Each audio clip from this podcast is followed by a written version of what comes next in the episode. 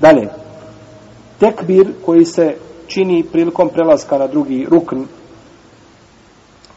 potom dizanje izgovarajući riječi Semi Allahu limen hamide i riječi Rabbena lekel hamd. Došlo u hadisu kada imam donese tekbir, doneste i vi. A kada kaže Semi Allahu limen hamide, recite Allahume Rabbena lekal hamd. I poslanik sa osrame stalno to radio i stalno to izgovarao. I kada bi god digao glavu sa rukua i otišao na ruku do nebi tekbira, kada bi se digao, govorio se mi Allahu limen hamide.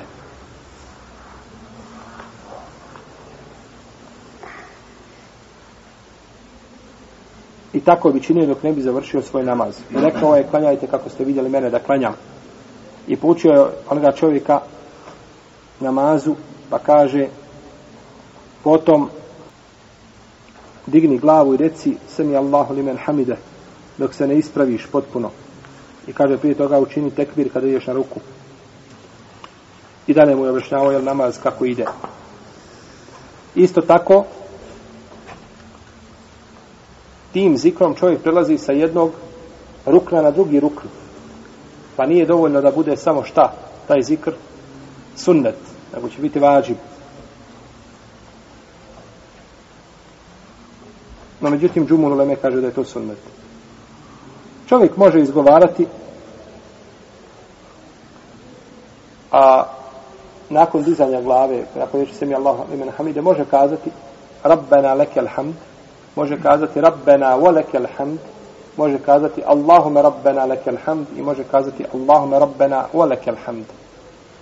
Sve je došlo ovaj kod Buhari i kod muslima, osim Allahume Rabbena lekel hamd koja je došla samo kod Buhari, ali sve su ove sve su načini ispravni. I značenje su približno istano, međutim, negdje se dodaje ue. Wow, veznik. I ulema, kaže neka ulema, da je preče koristiti taj veznik, zato što veznik ima šta dodatno značenje. Svaki harf ima svoje mjesto. Taj harf nije došao tu nego zbog ciljano. Pa kada je došao ciljano, onda je bolje jer tu je šta dodatno dodatno značenje. Tako je uvijek a, a, u u Kur'anu, jel, kako kaže uzvišeni Allah, kaže Tebarake wa ta'ala فَمَسْتَاوُ أَنْ يَظْهَرُوهُ وَمَسْتَطَاوُ لَهُ نَقْبَ فَمَسْتَاوُ to je isto, isto ta od, od, nisu mogli فَمَسْتَاوُ a i nisu mogli preći preko one brane, je džuđi me džuđ, omestafau lehu naqba i nisu mogli probiti tu branu. Pa je ovdje u drugom dodano, dodatak jedan, ta, omestau, omestafau. Dodano je jedno t. Zato što u prvom slučaju preći, a u drugom slučaju probiti. Je lakše preći preko brane ili je probiti koja je bila od ožene zalivenog? Šta je lakše preći? Preći preko nje, nego je probiti.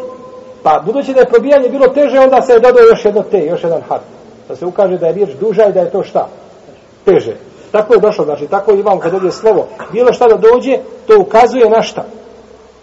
Na, na, na dodatno značenje kao ovdje što pojačanje, ovdje na pojačavanju, ima dodatno značenje u pojačavanju, vamo može biti volek jelhamd, ovaj, da je to dodatni vid zahvale, rabbena, voleke i tebi za, rabbena, gospodaru, tebi zahvala, gospodaru, i tebi zahvala, kao i samo tebi zahvala, nikome drugom. Ili primjer radi. Znači, ima sigurno značenje koje je šta?